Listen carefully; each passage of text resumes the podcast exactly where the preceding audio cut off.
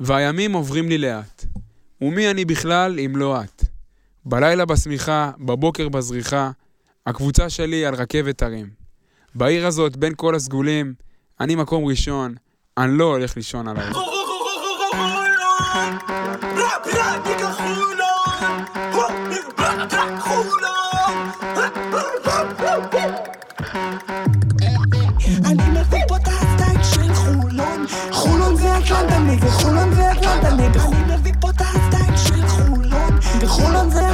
נגד חולון כן זה אטלנטה נגד אני מביא פה את הסטייל של חולון. חולון זה אטלנטה נגד חולון זה אטלנטה אני מביא פה את הסטייל של חולון. חולון זה אטלנטה נגד חולון כן זה אטלנטה נגד יום ראשון, השני בינואר 22, בואנה, שנה חדשה, תענוג. פרק 34 של פודקאסט הכל סגול, בפתיחתה של שנה חדשה, ובעיצומה של תקופה סופר מעניינת וסופר עמוסה של הפועל חולון. אה, איתי כאן באולפן, יושב ראש אגודת הסטודנטים השוקיסטים שלוקחים קשה את שנה א', עושים דרמה ובוכים כל יום. סתיו טבוך, מה שלומך? ערב טוב. מתי המבחן הבא? עוד שבוע, יום שישי הבא. יום שישי הבא. שישי הבא. איפה מד- זה שם אותה? מדעי המחשב. לא איפה. איפה זה שם אותנו בתוך הפליין? אחרי, אח, אחרי טורקיה, נראה לי, לפי הלו"ז. כן, כן. זה אחרי טורקיה. טוב, אז אה, יהיה בסדר. כל מי ששומע אותנו משחקני הפועל חולון ומהנהלת הקבוצה, אנא, עשו מאמצים כבירים לסיים את הסדרה בשני משחקים, כדי שטאבוך יגיע למבחנים שלו מבסוט, מאושר, וגם שלא יצטרך, אתה יודע, לנתח דברים תוך כדי תקופת מבחנים, זה תמיד לא כיף. Uh, כמובן, נמצא איתנו גם באולפן האיש שהמקום האהוב עליו בארץ אחרי אחד הטוטו חולון הוא קריית אתא, אהלן שובל אהרונוב. אהלן, אהלן, שלום, שתדע, סיבכת אותי עכשיו עם כל החברים שלי שהם ישמעו את זה. למה? זה גה קבוע כבר ככה, ש... כן? אין מה לעשות. המלך הבלתי מעורר של כביש 2. אה, אנחנו פה ביום חורפי התגברנו על כל מיני קשיים בריאותיים ולוגיסטיים. אה, באמת שינסנו מותניים והתכנסנו באולפני המקלט כדי, בוא רגע נשים מסגרת, לעשות שתי פעולות עיקריות. קודם כל, לסכם את חודש דצמבר, שהיה חודש, עמ- ואת הראשון לראשון, שזה, נעשה לזה גם סיכום תוך כדי, שזה היה אחלה יום. לסכם את מה שהיה לנו עד עכשיו, אה, בליגה וב-BCL, ולתת אה, מבט קדימה לעבר חודש ינואר, שיהיה חודש סופר קריטי. אם אני מסתכל על זה בראייה רחבה של עונה שלמה, זה החודש שבעצם יקבע לאן העונה הזאת הולכת, גם גביע, גם BCL, גם ליגה, סדרת פליין. אז בואו נתחיל, יש לנו המון עבודה. אה, לפני שנתחיל, כמובן, נפנה אתכם אה, ל social שלנו, גם טוויטר, גם טלגרם, גם פייסבוק. אנחנו לא מפסיקים אה, לייצר בעבורכם תוכן סביב הקבוצה, וכמובן אנחנו נעשה פה ניתוח על בשקטש, וביום המשחק יעלה הטור הקבוע של אביחי יצחקי לקראת המשחק, אז תמיד ה social חי, תמיד בועט, ואנחנו... אה, אתה צריך להקליט את זה מראש, כמו במתנת של רסקין. מה אכפת לך? תפרגן לסושיאל, מה... נפרגן, נפרגן. טוב, אה, מסכמים סיבוב, בואו נתחיל לעבוד, אה, בואו נתחיל להסתכל מה היה. הסיבוב הראשון נגמר, פלוס בונוס של שני משחקים. אנחנו נמצאים, סיימנו את הסיבוב במקום השני, מאזן 7-4, מאז המאזן כבר אה, השתנה ל-8-5. אה, הר- קרו הרבה דברים מאז שאירחנו פה את ניב משגב אה, והקלטנו את הפרק הקודם, גם שינויים בסגל, גם מגמות חדשות מקצועיות גם הוא שאנחנו חזר מהפציעה כבר. הוא גם חזר, אז ש... בשעה טובה. אה, מה זה אומר עלינו? אם ניב משגב הספיק להיפצע ולחזור תתקדם, מהפציעה, תתקדם, תתקדם. ולא הקלטנו פרק. מה קורה פה? טוב, אה, בואו ננתח רגע את מה שהיה. אה, טאבוך, בואו נדבר רגע על הסיבוב. אתה יודע, אנחנו מתחילים תמיד מהכדורסל, יש לנו לנתח את הסיבוב הזה בהרבה מאוד אספקטים. פלוס השני משחקים אז הנוספים. סיבוב פלוס, פלוס קצת. דבר איתי קצת כדורסל, מה אנחנו יכולים ללמוד על הקבוצה הזאת של מאוריציו בוסקליה מהסיבוב הזה, ותכף גם נעשה איזה דיון קצר, אם אתה חושב שזו הצלחה או כישלון, דבר. קודם כל, כולם יודעים שזאת קבוצה קצת משוגעת מבחינת אם מסתכלים על הנתונים היבשים, כי אנחנו מקום אחרון בריבאונדים, נקודות בצבע, נקודות הזדמנות שנייה, בחטיפות מקום אחד לפני האחרון בליגה. אבל מצד שני, אנחנו מקום ראשון באסיסטים ועיבודים. מה זה אומר? מה זה אומר? או כמו שארז אומר, ללמדך. ללמדך. אה, אנחנו משחקים מאוד אה, מבוקר ועומד, ו- ויש אה, איזושהי דרך של ההתקפה שלנו. אבל אנחנו- קודם כל סובלים מחיסרון בצבע שסטיב זאק קצת מאזן אותו, ודבר שני, אנחנו... אתמול 13 ריבאונד. לסטיב זאק. ב- בריבאונד הוא, אין, אין ספק שזה עולם אחר עם סטיב זאק, תורם המון. אבל אנחנו עדיין לא רואים את הקבוצה שאנחנו רוצים לראות, שהיא שוטפת יותר את הפרקט. אה, אנחנו, אם אנחנו מדברים על המשחק ההתקפה, אמנם יש תנועה, בניגוד לקבוצות אחרות שאפשר להגיד שההתקפה נורא סטטית ורוצים לפטר שם את המאמן, שאלה אם זה כדורסל שמצליח. פה. מצד שני, ההתקפות נורא איטיות. הפואנטות מגיעות ל- ל- לשניות האחרונות של ההתקפה. בסך הכל הטמפו לא מספיק גבוה, וזה משהו שצריכים לעבוד עליו באימונים. ואני לפי דעתי הקבוצה מאוד מאומנת. מה, אבל השאלה היא לאן, לאן זה מביא אותך. כאילו, אתה יודע, אנחנו מדברים, גם שנה שעברה דיברנו עם הסמול בול של, אה, של סטף וכל הדברים האלה. אה, הרבה פעמים זה מלחמה בין סגנונות, אוקיי? השאלה, אתה יודע, אתה, אתה מתאר לי פה דברים גם מבחינה סטטיסטית. אני בטוח שמאוריציו לא מרוצה, נגיד, מהריבאונד. הוא כל, כל, אה, כל אה, רעיון בסוף משחק, מה הוא אומר? box out, box out. We need to improve the box out. סבבה. השאלה אם זה סגנון שאתה חושב שהוא... זה מה שהולך פה. כאילו, האם זה משהו שלא נחת על הליגה הזאת out of nowhere ולא מתאים? מה, כאילו, איזה סגנון אתה מדבר? על הסגנון הזה של ההתקפות המסודרות, המבוקרות. אה, אני לא חושב שזה משהו בעייתי. בלי הנוסחה הקלאסית הזאת שכולם מדברים עליה, של שני גארדים, שגם על זה נדבר בהמשך, אבל כאילו, מבחינת הסטטיסטיקה היבשה, מה... קודם כאילו- כל, אני, אני רוצה רגע לעבור לנושא, זה כאילו עדיין באותו נושא, אבל אתה רואה הבדל מאוד גדול במשחקי בית למשחקי חוץ, ו, חשוב. והבדל עצום אפילו. כאילו, אם בבית אתה קולע 84 נקודות בממוצע, בחוץ אתה יורד ל-73 נקודות בממוצע. ואם בבית אתה סופג 74 נקודות בממוצע, בחוץ אתה סופג 81 נקודות בממוצע. ככה שהפערים האלה, הם, אה, הם ניכרים ואתה רואה את זה במאזן בסופו של דבר. גם, וזה, וזה אתה מדבר על הליגה, גם ב-BCL אני, למרות שהמשחק בברינדיזי קצת מעוות את, ה, מעוות את הסטטיסטיקות של ה-BCL, אבל הפערים האלה בין בית לחוץ, שובל, כאילו כל הדברים האלה שטאבוך אומר, מבחינת נתונים יבשים, אני יודע שזה קצת לתת מסקנה חותכת, ואנחנו לא בשלב הזה, אנחנו עדיין בשלב כאילו מרוץ, מאוד כאילו, זה שלב ראשוני של העונה, עדיין לא התקדמנו לעבר ה- המאני טיים האמיתי שמתחיל באמת עכשיו. האם אתה חושב שהנתונים האלה מלמדים אותנו על איזשהו משהו בריא שנבנה פה מבחינת הסגנון, או שאתה אומר לי צריך לשנות פאזה? תראה, אני מסכים עם טאבוך שהקבוצה מאוד מאומנת, אבל זו גם הבעיה שלנו. מה אני... מה הכוונה? אתה מגיע למשחק, אתה רואה שהם יודעים מה הם צריכים לעשות כדי לנצח. בין אם זה בתרגילים, בין אם זה בהגנה, בין אם זה במי שומר על מי, אם זה ג'ונסון על... אני לא רואה ו- שחקנים שעונים בפינה ולא זזים ועושים רק pick and roll. אתה. רואה הרבה תנועה בהתקפה. זה. אפשר- אפשר להגיד לזכותו של בוסקליה, יש המון תנועה בהתקפה. הקטע שזה אה, אולי אפילו קצת יותר מדי אה, רובוטי ואיטי. בדיוק. זה- אני שיחקתי כדורסל. ברגע שמעמיסים עליך אולי יותר מדי, אתה משחק את המשחק קצת כמו כמו רובוט. יש בעיה שברגע שאין עכשיו, נתקעת בהתקפה, לא עובד התרגיל, נשבר התרגיל, הקבוצה הגיעה מוכנה, סוגרת את ה pick and roll, סוגרת את התרגילים שהם יודעים, אין לך מה לעשות. אין לך כלום. וזה כי מה? וזה כי אנחנו over מתוכננים? קודם כל כן.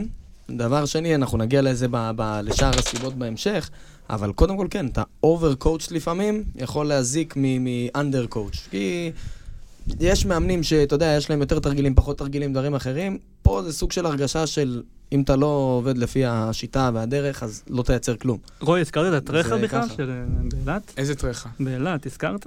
אמרתי, רמזתי, ואמרתי שאנחנו נסכם את חודש דצמבר, פלוס נעשה סיכום לראשון לראשון. יש לך מה להגיד על הראשון לראשון? Happy New Year. חוץ מ-Happy New Year?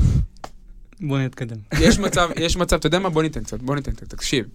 יש מצב שאנחנו נהיה רגע סנגורים ונגיד שהמצ'אפ הספציפי שלנו מול הפועל אילת הוא מבוא לבעיה, כמו ששנה שעברה הקבוצה המהוללת של סטף בקושי הצליחה לנצח את נס ציונה בעונה הסדירה ובקושי גם בפלייאוף. הפסדנו להם גם בבית, גם בחוץ, עם ההשתוללות שם של יש סטף. אה, דמיון. מה, כאילו, זה קטע של מצ'אפ, או שאתה רואה פה דברים, וחוץ מזה, אתה יודע מה? סלח לי, אני עוצר. מנטלי, טבוך. חטפת 20 לפני דקה, לפני שבוע. אין כאילו drive, עזוב, אני לא רוצה לדעת, כאילו אין drive לבוא רגע ולנסות לתת bounce back. ה drive הוא הוא מוכוון ליום רביעי.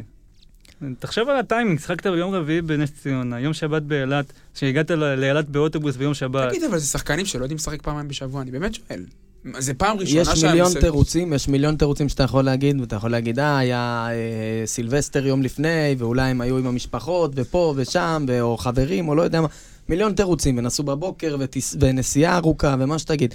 בסופו של דבר, משלמים להם כסף, הם מקצוענים, צריכים לעלות למגרש, לתת הכל. זה... את הקהל, את האוהד לא, שנסע, אבל- אבל את אני האוהד שנסע ארבע שעות לאילת, לא אכפת עכשיו אם הוא אה, גמור מהנסיעה או לא גמור. הוא רוצה, ל- או שהיה לו משחק לפני ארבעה ימים. הוא רוצה לבוא לראות אותו 100%, אפשר להפסיד, הכל בסדר. אני מבין את הטיעון שלך. אבל- אבל האם המשחק. ב- האם המשחק חוץ באילת במחזור 13 זה משחק שמשנה עונה? תשובה לא. לא. לא. תשובה היא לא. לא. בזה אנחנו מסכימים. השאלה, א' כל הקטע הזה של אני- חטף, אני- הש- זה חשוב, הקטע הזה אני שחטפתם בסופו של דבר 20, מסתכל על העונה- כולה. במשחקים עד עכשיו שהיינו צריכים לנצח, ניצחנו. ניצחנו. ואני חושב שגם, מסכים. אני חושב שזה לא יחסי. ועכשיו אנחנו נכנסים ל- ל- לתקופה הקריטית, ואם נמשיך ככה, נשמור על הבית שלנו, יהיה בסדר. אז בוא, מסכים. אז יהיה. בסדר. תקשיב, אז, אז אנחנו, אני אתן פה עוד איזה משהו קטן ונסגור את הסוגריים האלה, כי יש lineup עמוס, ואתה יודע שאני לא אוהב לחרוג מה lineup. לגבי הפועל אילת, אני מסכים איתך, גם כתבת לי את זה בוואטסאפ תוך כדי, זה לא משחק חשוב. א' כל, אפשר להתווכח הוא חשוב או לא חשוב, אני מסכים איתך שהיו לנו משחקים הרבה יותר קריטיים במהלך העונה, סבבה. חשוב, שתי סימני, שני, שני סימני שאלה בקטע הזה. אתה יודע, ללמדך. אחד, סימן שאלה בקטע המנטלי, כאילו, אין שום drive לנסות, ולא, ולנסות ולתת bounce back לקבוצה שחירבה אותך שבוע, ש- עשרה ימים לפני בבית, סבבה? וגם, זה גם, למה גם דיברנו על השיר הזה של אייל גולן בפתיחה של רכבת הרים? כי יש המון המון תזוזות, כאילו, איך יכול להיות שבאותו שבוע אתה עוצר את נס ציונה, שהיא קבוצה לא מבוטלת, עם שני גארדים מוכשרים, ויש שם ישראלים, כאילו לא, קבוצה שעשתה חודשים יפים בליגה הזאת העונה, אתה עוצר אותה על 55 נקודות, איך אתה מסביר את הפער העצום הזה 72 שעות אחר כך? איך, איך? קודם כל, יש- נסיעה? יש הבדל עצום בעונה הזאת ספציפית, וכל כאילו, עונה, המשחק בין בין- בית רגע, רגע, בין המשחק- בית לחוץ. מה המשחק בנס ציונה, אותה רמת חשיבות במשחק מול הפועל אילת? כן, אבל זה היה בבית וזה היה בחוץ, יש הבדל. השנה, לא יודע, אני לא- אני כתבתי את זה בלילה במקום אחר, אבל אם כבר אה, אנחנו מדברים על בית, השנה מבחינת כמות אוהדים, בדקתי את זה, זאת הכמות הכי נמוכה שהייתה בממוצע מאז אה, העונה, מאז המעבר לעולם החדש.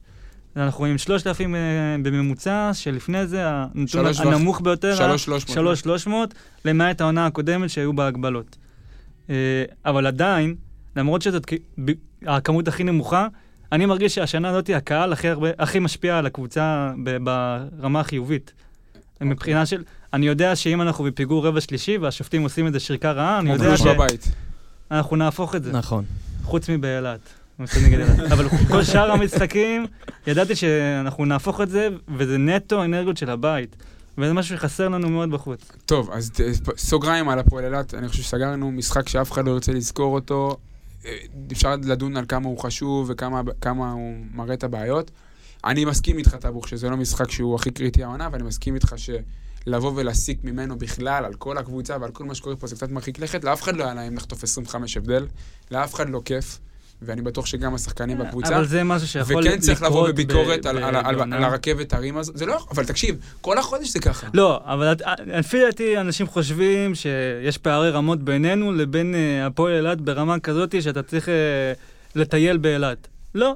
אין לך הבדל כזה גדול בין אף קבוצה בליגה, הליגה נורא שוויונית, ואין מה לעשות. כן, לא- אבל לא הבעיה תסיים היא- את העונה עם מאזן מושלם. הבעיה היא שיש לך גם הבדלי רמות בתוך כדי משחק. אתה צריך הרבה לשמור- מאוד, זה גם נכון. הרבה הרבה לשמור מאוד, על מאזן- וזה לא רק בקטע של נכנס, אוקיי, נכנסו שחקני ספסל ויורדת הרמה. זה לא ככה אצלנו. אני לא ראיתי אתמול החמישיות. בעיה של- בעיה של רצון למעט המעבר הזה בין הרבע הראשון לשני. רק, רק, אני ראיתי רצון לחזור למשחק, והיה כמה שלשות ששברו אותנו בסופו של דבר, אין מה לעשות, זה חלק מהמשחק. ובואו נתקדם, כאילו, אין... אה, טוב, בוא נתקדם אין מה רגע. להילחץ. בוא נתקדם. אה, אני רוצה רגע לשים את הזרקור על מאוריציו בוסקליה. מה למדנו עליו במהלך הסיבוב, אה, ועוד שתי משחקים. אה, אני רוצה לשים את, ה, לשים את הזרקור על כמה דברים, חלקם חיוביים, חלקם שליליים.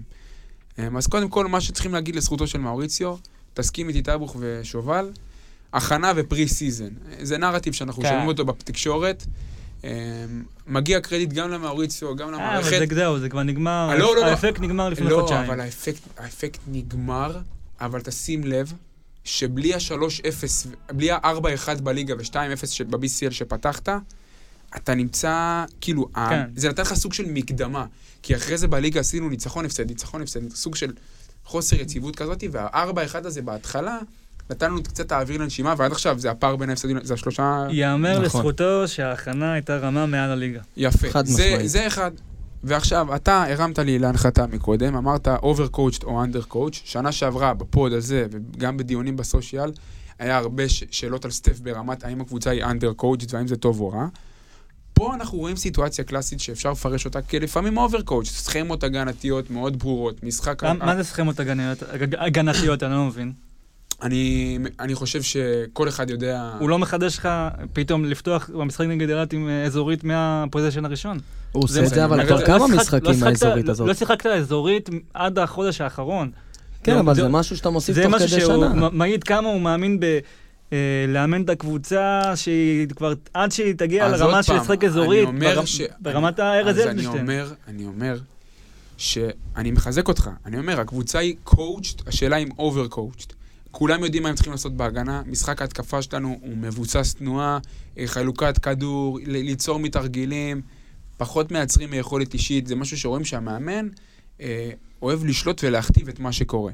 מה היתרונות ומה החסרונות, לא יודע. ועוד נקודה לגבי ה-over-coached, שי האוזמן מבקר הרבה את יאניס פרופולוס בטורים שלו, ואומר שיאניס הוא מאמן מגיב. איפה אתה רואה אצל מאוריציו במהלך הסיבוב ובכלל? אתה יודע, להיות רק מגיב, כמו שהאוזמן אומר, זה גם לא טוב. אבל האם. מאוריציו מגיב? האם הוא מגיב, או שהוא רק מכין דברים בצורה מאוד דקדקנית ומאוד מבוקרת ומסודרת, וזה לזכותו? מה קורה כשצריך לעשות את האימפרוביזציה, את האלתור, את, ה, את התגובה פתאום? פתאום אילת עוברת לאזורית. אתה לא יודע לעשות, אתה, אתה מצליח לעשות צל, כאילו. אני, הטענה שלי הכי גדולה אליו, ואני באמת חושב שהוא מאמן מצוין, אני חושב שהוא עשה פה עבודה מאוד טובה בהכנה, ורואים את זה במשחקים, אתה רואה את זה גם באירופה יותר, שקבוצות מגיעות מוכנה, הקבוצה מגיעה מוכנה ברמות, באמת, אין דברים כאלה. ועוצרת קבוצות על 50 נקודות ו-60 נקודות, וזה קבוצות באמת טובות, עם סגלים עמוקים, שחקנים יוצרים, ובאמת מגיעה מוכנה מאוד, אבל הניהול משחק, התגובות שלו לפעמים לדברים שקורים, הם מאוד מאוד מאוד בעייתיים. עכשיו, מצד אחד אתה אומר, אוקיי, הוא מגיע מוכן, הוא מכין את הקבוצה, ובהרבה מקרים זה טוב לנו, זה עובד, אנחנו ננצח את המשחקים האלה. גם בוא נגיד את האמת, מול רוב הקבוצות שאנחנו משחקים מולם בליגה, אנחנו טיפה יותר מוכשרים, יש לנו את האקסטרה הזה, אנחנו יכולים לנצח. אבל, אני אתן סתם דוגמה, אה, היה במשחק נגד באר שבע, אה, אדם סמית, לא פגע כל המשחק. ברבע הרביעי, כדור ראשון שהוא מקבל, חודר לסל, עושה לאפ, עושה שתי נקודות, בום, ישר ירד. עכשיו, הוא ירד, הוא שיחק שבע דקות רצוף לפני זה. הוא היה צריך לרדת על הנייר, לפי החילופים הוא היה צריך לרדת, אבל הבן אדם, סל ראשון שהוא עושה, לא בעניינים, לא בזה, תן לו אולי עוד קצת, אולי ייקח עוד זריקה, אולי ייכנס דווקא לקצב. אני לא מזה... שתיים, שלוש פוזיישנים. סכמות בחילופים אני לא רואה. אבל אתה אתה לא- אתה מסכים לא רואה? רוטציה עכשיו כמו בוושינגטון, אתה כשיש לך את מסכים- הדקות ש... אתה מסכים עם מה שאני אומר ברמה של אנחנו צריכים לפעמים איזון בין מאמן יוזם, בין היכולת שלך ליזום ליכולת שלך להגיב, ומאוריציו מבחינת הבלנס שלו, יותר מדי כאילו מגיע עם הדברים. עם זה אתה יכול יכול להיות, להסכים? אני מסכים. אז זה, זה משהו אחד שזיהיתי. עוד משהו שאני מזהה, שפה אני קצת נותן לו ביקורת, תקשורת. מה הבעיה? אז אני אסביר. אני חושב שסטף עשה דברים פה שהם הרבה פעמים דברים פוליטיים. מאוד, גם יאניס עושה את זה במכבי תל אביב, המאמנים, המאמנים היוונים ככלל גם יודעים לקנות את המקום שלהם, לבסס את המעמד שלהם. אני חושב שיש דברים ברמת התקשורת, ברמת השפת גוף. אתה יודע, אחרי המשחק נגד נס ציונה, הבאנו משחק אבל. טוב. הבאנו משחק טוב נגד נס ציונה, בא לקהל, הרים ידיים, חייך, אמרתי, בואנה איזה יופי. כן. כאילו, לא ראינו את זה כמעט כל העונה. זה ברמת הקהל. ברמת השחקנים, אתה עומד ביציע ואתה מזהה לפעמים שהוא לא מצליח לרתום את השחקנים 100%. זה מסכים איתך. זה ברמת התקשורת. נראה שיש לו בעיה קצת ב... הוא לא מצליח לרתום את השחקנים 100%, המון תגובות ושפת גוף של ג'ו, של שחקנים אחרים, לא רוצה להפיל את זה רק על ג'ו, זה מאות שחקנים. הוא מפקד. הוא, הוא, הוא רס"ר. כן. אני לא יודע אם הוא רס"ר, הוא מפקד, כן, מפקד. הוא מפקד, סבבה. אבל כאילו, אז לפעמים, אם אתה רוצה להכתיב ולהיות כל כך דקדקן ברמת המשחק שלך, משהו בפן הבין-אישי, ואני לא מכיר אותו ולא ניהלתי איתו שיחה אישית בחיים, אני לא רוצה לשפוט אותו ולהגיד סתם. נראה שרואים את זה גם בתמורות בין המשחקים. כאילו, משחק חשוב, היה משחק חשוב נגד אה, דרוש אפקה בבית, ניצחת, עשית את העבודה. איפה המקום שלך בתור מאמן לנסות להכניס את הדרייב בשחקנים ולתקשר איתם בצורה שהם לא שלושה ימים אחר כך בהפועל אילת ייראו כמו חושך. אני אגיד לך מה, תראה, זה דווקא אני פחות uh, מתחבר, למה? אני לא חושב עכשיו שמאמן, יש שתי גישות, או שמאמן הוא יותר, אתה יודע, players coach, שהוא יותר איתם ויותר זה ויותר מושך אותם, או שיש את המאמנים שהם תופסים את ה distance, ועכשיו הוא, צביקה ה... שרף. כן, הוא האוטוריטה, הוא הזה, הכל בסדר. יש באמת את השתי הגישות האלה. אם הוא הולך על הגישה השנייה, מי שצריך להיות שם זה דווקא עוזר מאמן. שהוא צריך להיות כאילו היד המלטפת ולתת להם את המילה. אני לא יודע מה הדינמיקה שלהם. עכשיו עוד פעם. אנחנו לא יודעים את הדינמיקה, אנחנו לא רוצים להגיד אה, סתם דברים וכולי, אבל כן יש איזה עניין שאתה רואה שהוא...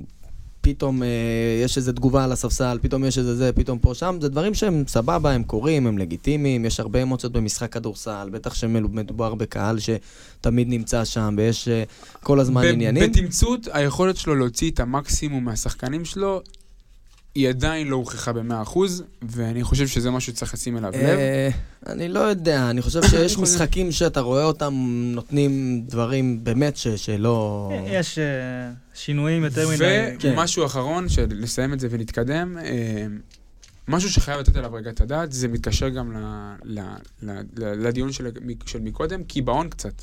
לפעמים קצת קיבעון, מבחינת מה? חד משמעית. מבחינת ל- לנסות דברים מקצועיים שיש מצב שהוא לא מאמין בהם ב-100%, אבל הוא לא מנסה. למשל, כמו כגון? שדיברנו על זה הרבה פעמים, לשחק עם מרק וקייזר ביחד, או סטיב וקייזר ביחד, לא יודע אם, אם סטיב הוא ההתאמה המושלמת ליד קייזר, אבל בוא נגיד ככה, נתון מצב, יותר עד גובה. כמה יש לך אפשרות לנסות דברים ולנסות... עכשיו, פה אני רואה כן התקדמות, כי גם דיברנו על זה בטור של אדם סמית. אדם סמית הוא לא שחקן שמאוריציו בוסקליה היה מחתים בקבוצות שלו פעם, בחיים לא. בחיים לא, אין כאלה, אין. אז פה אנחנו רואים אולי קצת התקדמות, הוא הבין שצריך איזה משהו, זה כן. אה, אני לא יודע מי בוחר את השחקנים. אני מאמין שהוא המאמן. ישבו פה אנשים מהמועדון, אמרו שזה מה שקורה בר- ברמה, ברמה התיאורטית. להגיד לך ברמת השחקן הספציפי מה קרה בכל תהליך, אני לא יודע, אבל ככלל, אדם סמית זה שחקן שבטייפקאסט של בוסקליה זה לא קורה. אני מאמין שאם הוא פה, זה בגלל שמאוריציו ידע על זה. אה, ואני חושב שיש פה התקדמות, אבל יש פה איזה משהו של קיבעון. אה, באמת, עשינו למאוריציו ניתוח רציני פה.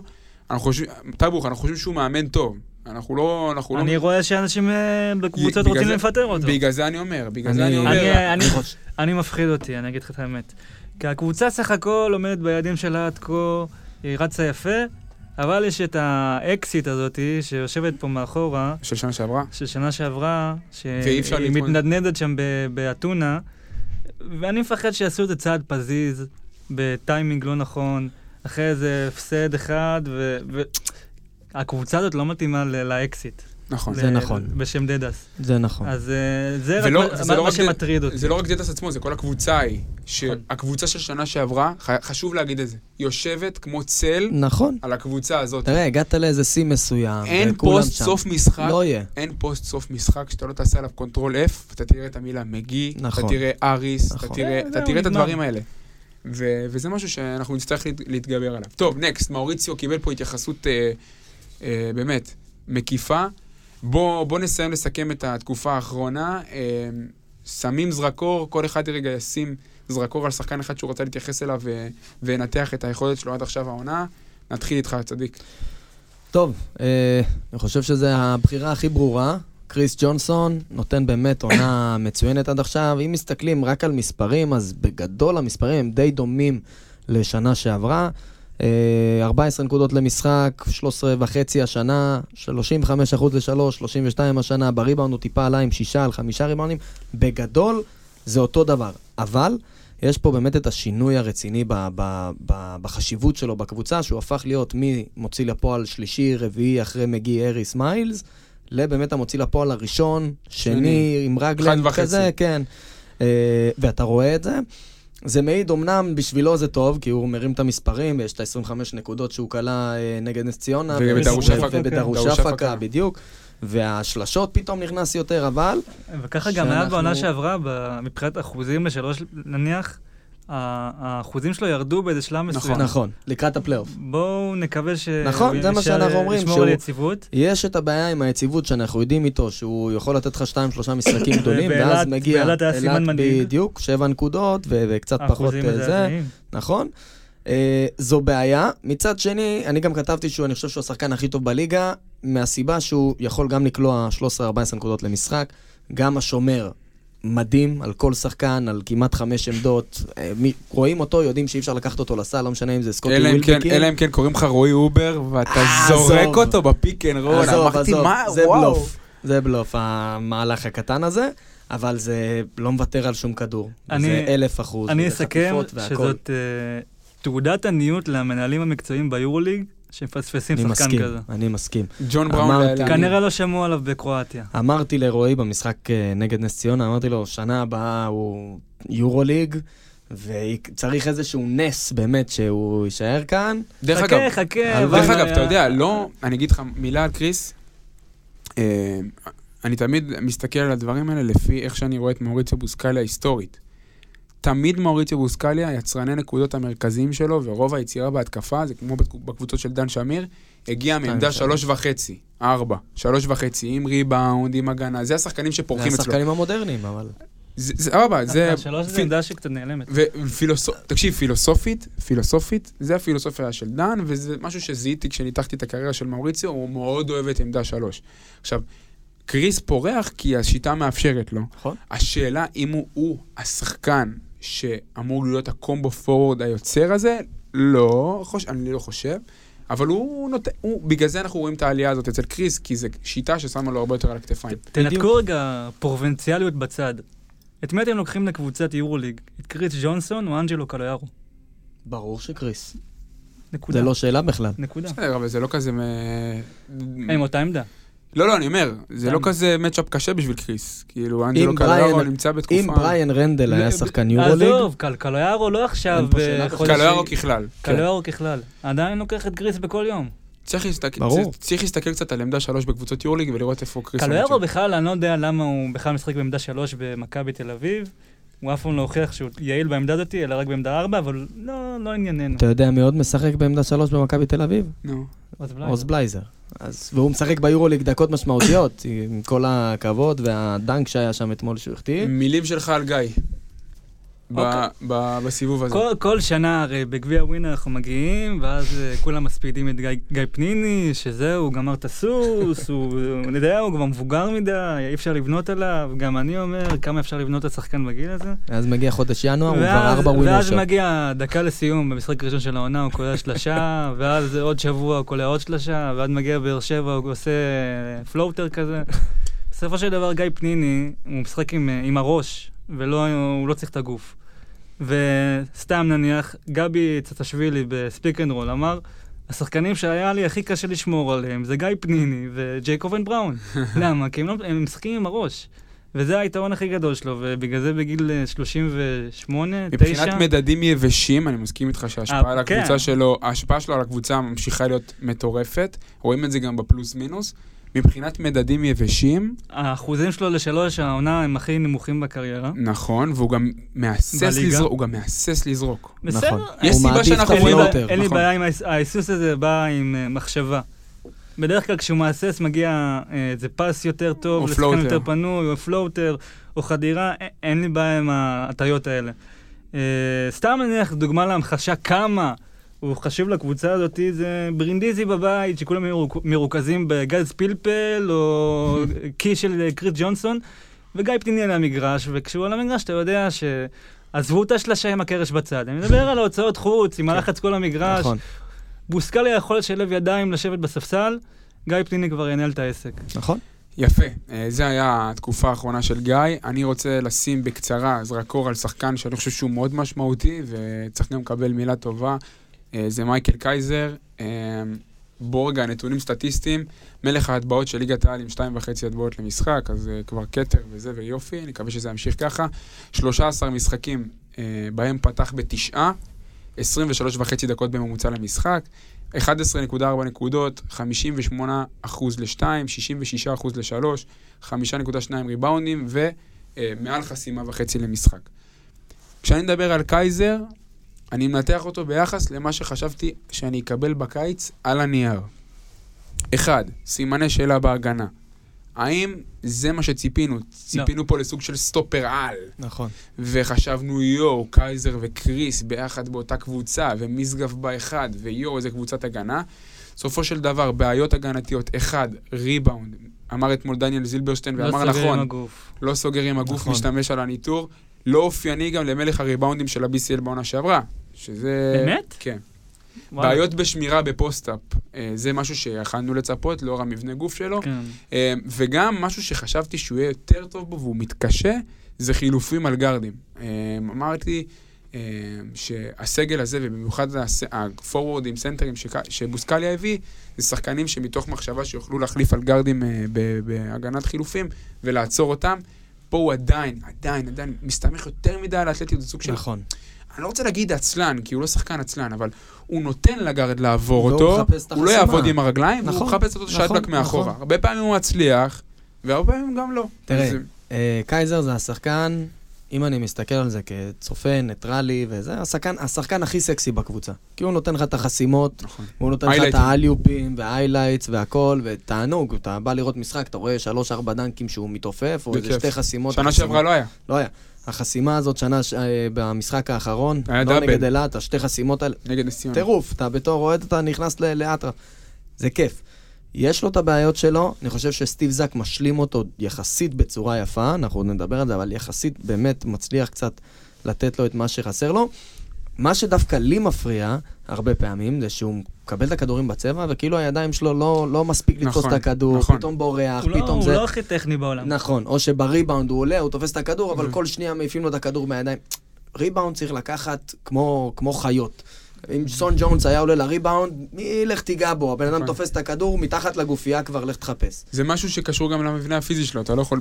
אין ספק. אתה לא יכול לנתק את זה. זה קצת אה, אגרסיבית. קריס ג'ונס עולה לריבאונד, אתה יכול להוציא לו את הכדור מהיד, הוא תוך שנייה מצמיד אותו לפרקט, לך נכון. תחפש את הכדור. אני, אמרתי בתחילת עונה שהתעודת ביטוח עם קייזר זה שהוא משחק עם אה. רגלנד. כן. אני לא, לא בדקתי את זה, אבל נראה לי אם תבדוק את הדקות שלו עם רגלנד ובלי רגלנד, זה שמיים וארץ. אה, רגלנד יודע להפעיל אותו, יתר השחקנים פחות, אפילו גיא פניני פחות, כי פניני יותר אה, יודע למצוא את השחקנים שתופסים את העמדה בתוך הצבע, סטיב זאק, מאשר אה, קייזרים. טוב, אז סימן שאלה הגדול שמרחף מעל קייזר, יכולת מצוינת מחצי מרחק. לא, כאילו, אולי ציפינו, אבל יש לו יכולת טובה מחצי זה- מרחק. זה ציפינו. האם זה מספיק, האם זה מה שנקרא ריווח מספק כדי לשחק בעמדה 4 לא. בהרכבים שסטיב זק בחמש? הוא כלה שלושה אחת העונה נגד לא, באר אני שבע. לא מדבר על ריווח, אז אני אומר, של- זריקה מבחוץ לא, אבל האם אם הוא אני לא יוצא יודע לך למה לתוך... לא, אני לא יודע, לפי דעתי הוא יכול גם לזרוק חופשי מבחוץ. אם הוא חופשי, פ- מעל- אם הוא פנוי, כן. כמו שהיה בבאר שבע. אבל כארבע הוא לא יהיה, טוב, אולי יהיה רע, אני לא יודע. השאלה השאלה היא באמת, האם הם יכולים לשחק ביחד, וארז אדלשטיין חוזר את זה כמה פעמים בשידורים שלו, אין לנו תשובה לא- כרגע. לא אם- אם. דדס היה מאמן, הוא היה מרים שלוש זריקות ואם למשחק דדס מחוץ היה מאמן, לקשת. קייזר לא היה פה. עזוב, נכון. עכשיו דדס נוחת לא, מחר, זה נכון והוא- מה שהוא הוא אומר, זה נכון. מה שהוא אומר, לא כשריצ'רד האוול שיחק. אצל- כשריצ'רד האוול שיחק אצל דדאס, בתחילת העונה כשהוא היה עוד בריא, הוא היה מרים שלושה וחצי למשחק. כן. ואלוהים ישמור. סבבה, אבל מרימים. אבל אם הוא היה מאמן, אז הוא מרים שלוש, כן, ארבע זה- זריקות למשחק. נכון. בוסקליה פה, זה- זה זה לא השיטה, אז הוא לא הולך על זה. next, פשוט. בוא נתקדם. אה, זה היה השחקנים שרצינו לשים עליהם לב. אני חושב שעל הקטע הזה של האוהדים, אה, תן לנו על זה משהו בקטנה, אה, כי זה סוג של דיון שחשוב לנהל בקצרה, ניהלנו אותו בקצרה, ניתן עליו עוד איזה משהו קצר. החבר יואב ריבק נתן איזו תגובה חשובה בפוסט שהעלינו. צודק במאה אחוז. אה? צודק במאה אחוז. יפה, אז אז בוא נראה, לזה הוא מאוד. דיבר על עניין החמיצות, את- אני אגיד לך מה. מזהים את רגע, אבל החמיצות יש לך הזאת. את- הציטוט המדויק שכולנו... אה, תארגן לנו תפת- את זה בינתיים. תארגן לנו את זה בינתיים. אוקיי. מזהים את החמיצות, אין מה לעשות. יש כמה דברים. אחד, דיברנו, הצל של שנה שעברה מרחף באוויר, זה אחד. שתיים, אה, אתה יכול להגיד החוסר יציבות, הפסדים פתאום מבאסים, 20 הפרש פה לירושלים, 25 אתמול, דברים כאלה, בסדר, בצד. בגדול, אני חושב שהחמיצות נובעת מזה שהקבוצה היא די אפורה. עכשיו, אתה אומר, אוקיי, אפורים, לא סקסים, לא פה, לא שם, אבל יש דקות שאתה מסתכל על הקבוצה, ואתה אומר, בואנה, הם נותנים פה 2,000 אחוז, ואתה שם פה את השלישייה של מיאמי עם לברון, אה, בוש ווייד ב-2014, הם לא עושים פה סל 15 דקות, לא משנה מה יקרה. כי הם, אוקיי. הקהל איתם והטירוף. אבל למה החמיצות, למרות זה, ולמרות זה, אתה מסתכל אחר כך, אתה אומר, טוב, אז שמרת את הקבוצה עכשיו שמונה דקות בלי לחטוף נקודה, אבל עשית שני סלים, כי אתה לא מצליח לעשות כלום. אתה רוצה שאני אקריא את זה? ואתה לא רץ, ואתה לא בעניינים, ואתה לא זה. הקבוצה לא סקסית לצפייה, אין מה לעשות. אם אתה נמצא באצטדיון, אתה בטירוף, אתה פה, אבל הקבוצה, קש, קשה לראות אותה. זה כדורסל שהוא לא הכי יפה, הוא לא זה, וזה מוביל לדברים האלה. בסופו של דבר, במבחן התוצאה אתה עומד. אם אנחנו חמוצים על להיות מקום שני, מקום שלישי בליגה, ולהיות בשלב הבא ב-BCL או בפליין, אז המצב שלנו הוא מאוד מאוד טוב. אז אני, מס... אני יכול להסכים איתך, רק נצטט את הדברים של יואב, כי זה באמת חשוב. אה, מציין אווירה כללית של חמיצות, יותר מדי אנשים רואים את הדברים הרעים. אה, כנראה שבגלל שעונה שעברה היה כל כך טוב, כל שחקן הוא פלופ, כל ניצחון הוא פוקס, כל הפסד הוא ירידת ליגה. אה, סיימנו מקום שני את הסיבוב באירופה, בליגה, ובאירופה עלינו שלב, ניצחונות מרשימים. מותר שיהיו גם עונות פחות מוצלחות בלי להפוך את כל ההתנהלות להתמרמרות בלתי פוסקת על כל דבר. התייחסות שלך, סתם? מסכים עם כל מילה, קודם כל. לא, אני גם מסכים. אה, אני חושב שזה ממצה. אני חושב שיש עוד נקודה שהיא חשובה. כשאתה מפסיד, בשלושה מארבעה משחקים שאתה מפסיד, אתה באמת נראה פשוט רע בצורות מטורפות. גם שנה ו- שעברה היה. כשאתה מחפש את המנהיגות הזאת על המגרש, ואתה אומר, אוקיי, יש לי חמישייה, מי המנהיג שלי? בסופו של דבר זה מספר אחד, ג'ו רגלן. הוא השחקן הכי מוכשר התקפית, הוא הרכז, הוא בעל הבית. כשהוא, ניתן דוגמה על אתמול, כשאני רואה עכשיו, אני לא זוכר אם זה היה מנקו או ג'ונסון, עולים לשלושה מהפינה, לא נכנס, ואני רואה את שניהם דופקים ספרינט עכשיו של, של 40 מטר להגיע, לחזור, והוא השחקן הראשון שצריך להיות שם לפני כולם, והוא רץ ריצה קלה כזאת, אז איך לא תתבאס כאוהד? איך לא לא, תתמרמר? איך אבל- לא תרגיש את זה? אבל זה לא תמיד ככה. זה לא תמיד ככה, וזה העניין. שיש משחקים שאתה אומר, בואנה, הם הולכים לתת פה אתה אלפיים אחוז. פשוט לא יודע מה אתה, מה אתה הולך לקבל. אתה לא יודע מה הולך להיות. ויש גם דקות תוך כדי משחק, שאתה מרגיש שלוש דקות שהן בטירוף, ופתאום שלוש דקות שאתה מכדרר שעה את, את, את הכדור, וכל pick and roll הזה לרוחב, ו- ואין זריקה, ולא זורקים, ומחכים, ואיף, אתה לא יכול לראות את זה. נכון, אני, אני מסכים איתך בגדול שהסגנון לא הכי סקסי, אבל חשוב להגיד, למען ההגינות. מה שיואב מדבר עליו זה איזושהי תופעה שראינו אותה כמעט כל הסיבוב הראשון. אה, חשוב להגיד שהדבר הזה של הצל של שנה שעברה לא משחרר מאיתנו, אבל פשוט לא זוכרים שכששנה שעברה נראינו רע, זה היה רע. אני מסכים גם עם זה. זה היה רע. אני מסכים גם עם זה. והשנה כשאנחנו נראים רע, זה נראה רע. נכון. אז, אז צריך, צריך לאזן את זה. בואו נתקדם. אה, בואו נדבר רגע אה, מקצועית, שינויים בסגל, טאבוך, דברים שאנחנו רוצים להתייחס אליהם. אה, המועדון מבצע בחודש האחרון מהלכים ברמת הסגל, שחשוב לשים אליהם לב, לתת דגש מיוחד. כמובן שברמת הניתוח הפרטני, כל שחקן רכש קיבל טור, שניתחנו לעומק אותו, את היכולות שלו, את משמעות ההחתמה. חשוב לנהל גם דיון עכשיו, לאור הרושם שנוצר אה, ברמת המשחקים האחרונים. טאבוך, תדבר איתי על השחקן הראשון שהצטרף. אם אני לא טועה, זה היה יום אחרי הפרק עם ניב. אה, סטיב זאק, אה, האם הוא באמת מה שהיינו צריכים? סך הכל אני, אני מרוצה מסטיב זאק. כי הוא נותן לך מימד, בטח בהשוואה למרק אוגדן, הוא נותן לך מימד אחר, 2, 11, שחקן עם נוכחות בצבע, ריבאונד, מסיים מתח על הטבעות. זה משהו שהרי ראינו, ראינו בנתונים בתחילת הפרק, היה לנו בעיה בצבע, היה לנו בעיה בריבאונדים, הוא הכניס את זה. אה, אולי יש, יש, יש שיגידו, הוא לא השחקן הכי טוב שנחת פה. נכון, הוא לא השחקן הכי טוב שנחת פה. אבל אה, אני עוד מעט ננתח את השוק, כמה הוא קשה. אבל ב, ב, להביא שחקן ברמה הזאת, באמצע העונה, שאפו להנהלה סך הכל. טאבוך, אז אולי תיתן רגע את הניתוח של השוק עכשיו. שננתח את ההחתמות לא, אני לאור... אתן אחרי אדם סמית. אתה רוצה לתת אחרי אדם סמית? כן. דבר. אני אגיד לך מה, כל השנים, השלוש, ארבע שנים האחרונות אמרו, אין לנו סנטר, אין לנו סנטר, בגלל זה באירופה נפלנו סנטר. במנהיטה. אין יותר סנטר ממה שכל. הקהל דרש מ- מסטיב זאק. בדיוק, הגיע סנטר, הוא לא הכי נוצץ והוא לא הכי זה, אבל לא בואנה. זה 2-12, שהוא סוס, והוא שומר בהגנה מעולה, הוא יוצא טוב בחסימות. אה, אם אני לא טועה, defensive rating, אה, הכי, אני בדקתי את זה לפני שבוע, אני לא יכול להתחייב על עכשיו. defensive rating הכי טוב וגם בקבוצה. אמר- הוא שומר בסך הכל בסדר. כשדיברתי עם רועי עליו במשחק האחרון ב- בבית נגד נס ציונה, אמרתי לו, תקשיב, זה שחקן שבאירופה מתאים הרבה יותר שאנחנו משחקים ב-BCL מאשר בליגה. למה? יש שם סנטרים הרבה יותר גדולים. אולסן, יש שם, זה, אתה רואה בהגנה שהוא מתמודד איתם, באירופה, קודם. כל בוא- בוא נשים את הקלפים על השולחן. מבחינת התאמה לליגת העל, הוא פחות מתאים. נכון, ואתה רואה נכון. שבליגת האלופות, הוא נותן לך את האקסטרה הזאת, שיכולה. לעזור לך לעבור את בשיקטש. ולהמשיך הלאה ב top 16. הוא נותן לך את המימד הזה, והוא משלים יפה מאוד את קייזר, זה מזכיר נניח מסכים. את אה, מכבי תל אביב שזכתה ב- ב- טיוס וסופו. חשבתי על זה אחד גם. הוא קפיצי, אחד הוא יותר אה, שחקן צבע. אני, אני אוהב את הגיוון הזה בעמדה חמש.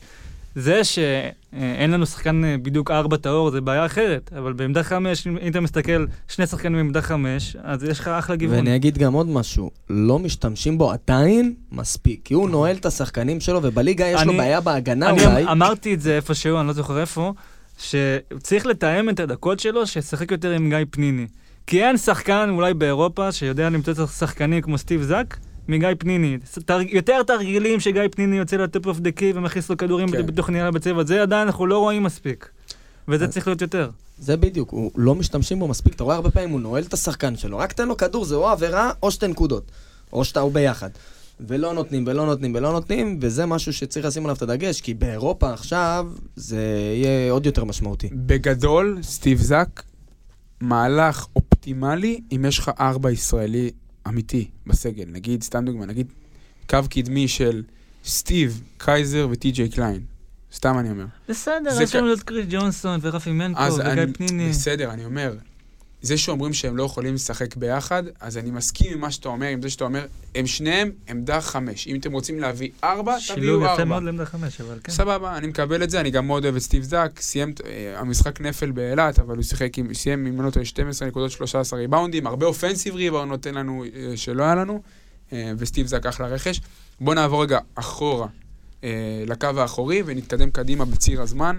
אה, המהלך הבא שקרה זה השינוי בקו האחורי. סטיבן גריי עוזב את הקבוצה, עובר לפריסטרי, אה, ומגיע במקומו אדם סמית.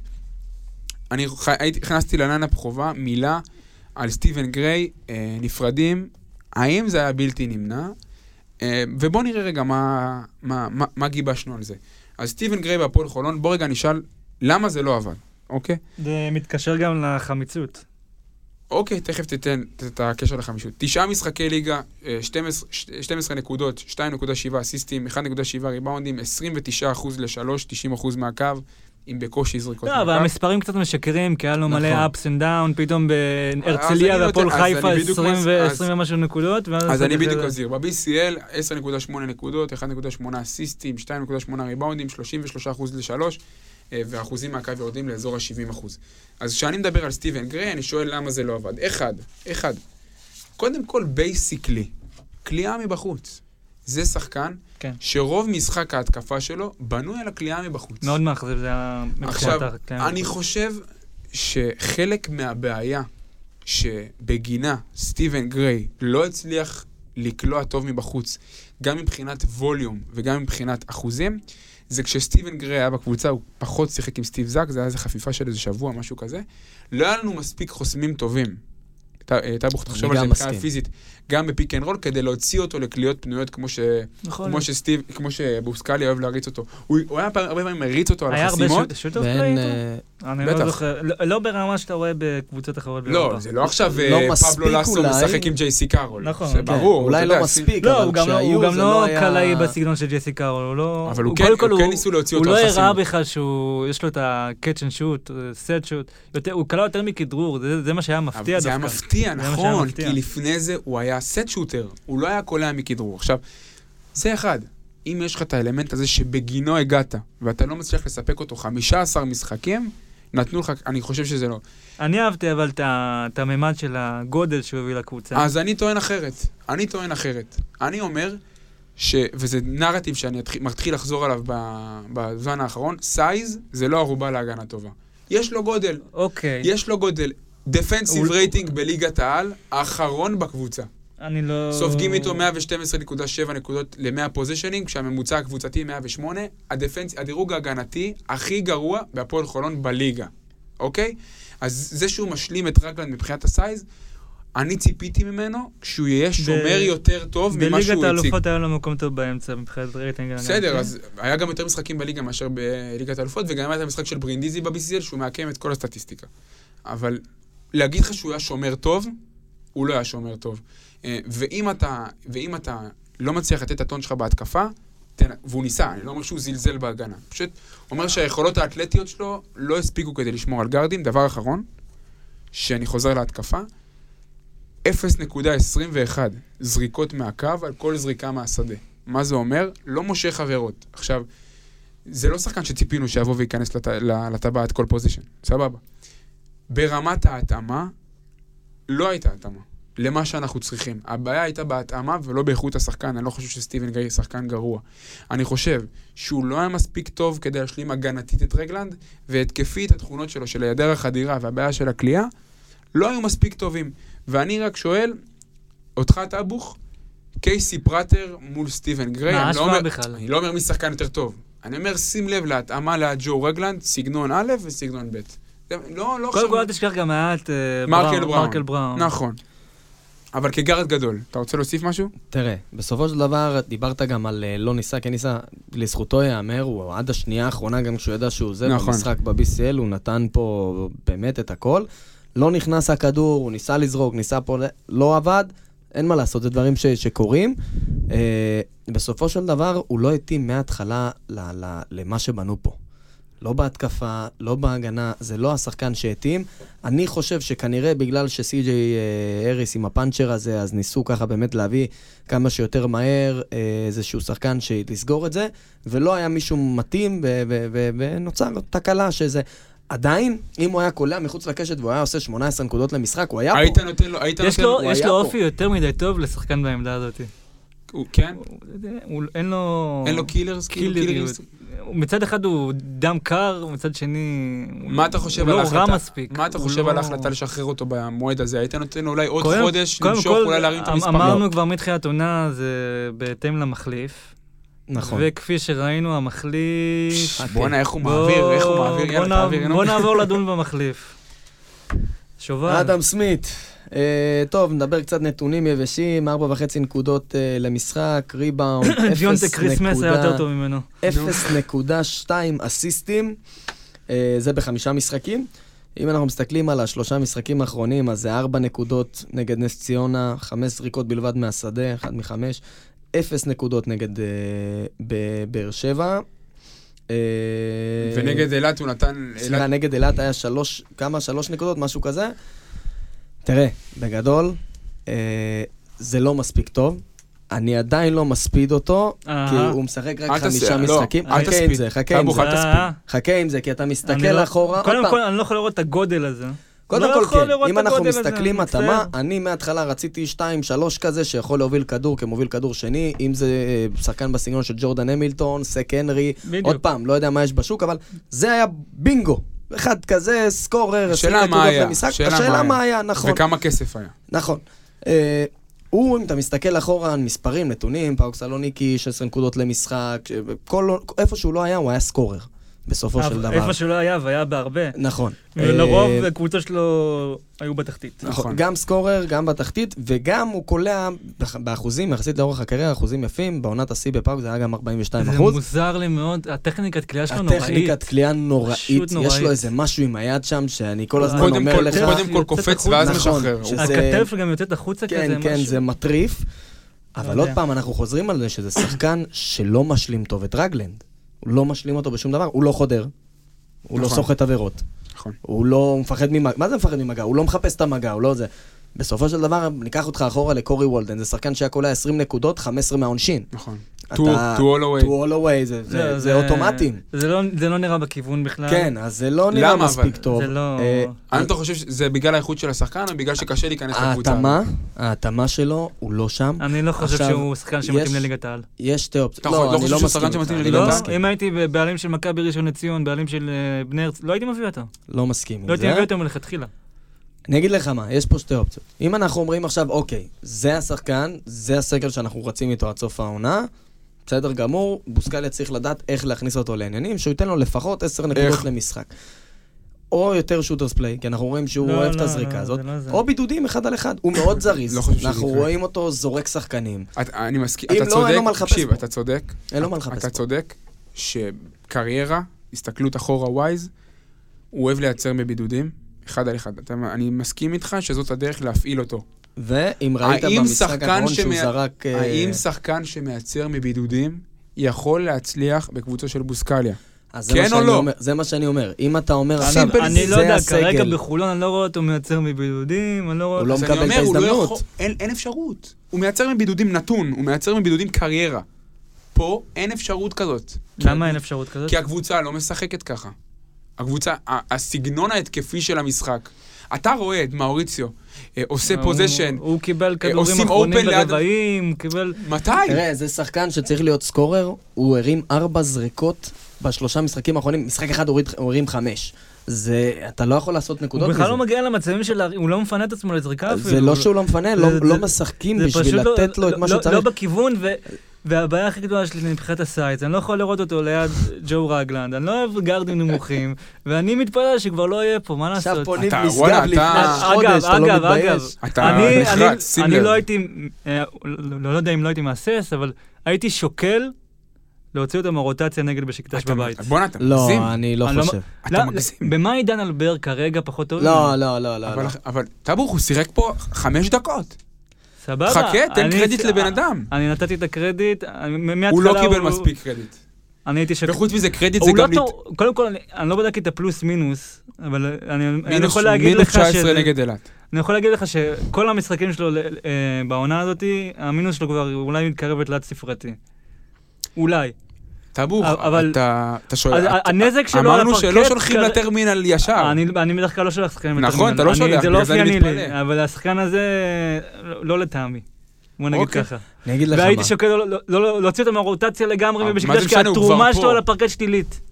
אני אגיד לך מה, יש פה באמת שתי אופציות. אם אתה אומר, אוקיי, זה הסגל, אני רץ איתו קדימה, בוסקליה צריך להחליט עכשיו, זה השחקן שיש לי, זה מי שיש לי ליד רגלן. אם לא יהיה לך עוד גארד ליד רגלן, אני לא מדבר רק על משגב, אם לא יהיה את הגארד השני, שלישי הזה, זר, אתה לא תצליח להגיע בסופו של דבר גבוה כמו שאתה רוצה, לא בליגה, לא באירופה. אולי תעבור את ה play-in, אתה תעוף מתישהו, כי לא יהיה לך מספיק עומק, לא יהיה לך מספיק בשר, לא יהיה לך מספיק יוצרים. אני מסכים איתך. אתה אומר, זה השחקן, צריך לשחק עליו, וצריך להתאים לפעמים את עצמך אליו, נכון, אין מה לעשות, נכון. זה הסגל, זה הקיים, זה מה שיש, יש מאמן שיפתור את זה. אם מביאים מישהו אחר, אז... אז בוא- אפרופו מדברים על אז להביא בוא מישהו נשאל את אחר. סתם טאבוך, האם אפשר להביא מישהו אחר. הרמתי אז לך. בוא, בוא נדבר על הפיל שבחדר, אה, עם כל הכבוד, אה, זה השוק האירופי, שזה משהו שהולך ללוות, אותנו בשנים הקרובות, שנים? בוודאי. תסביר. למה. וגועש.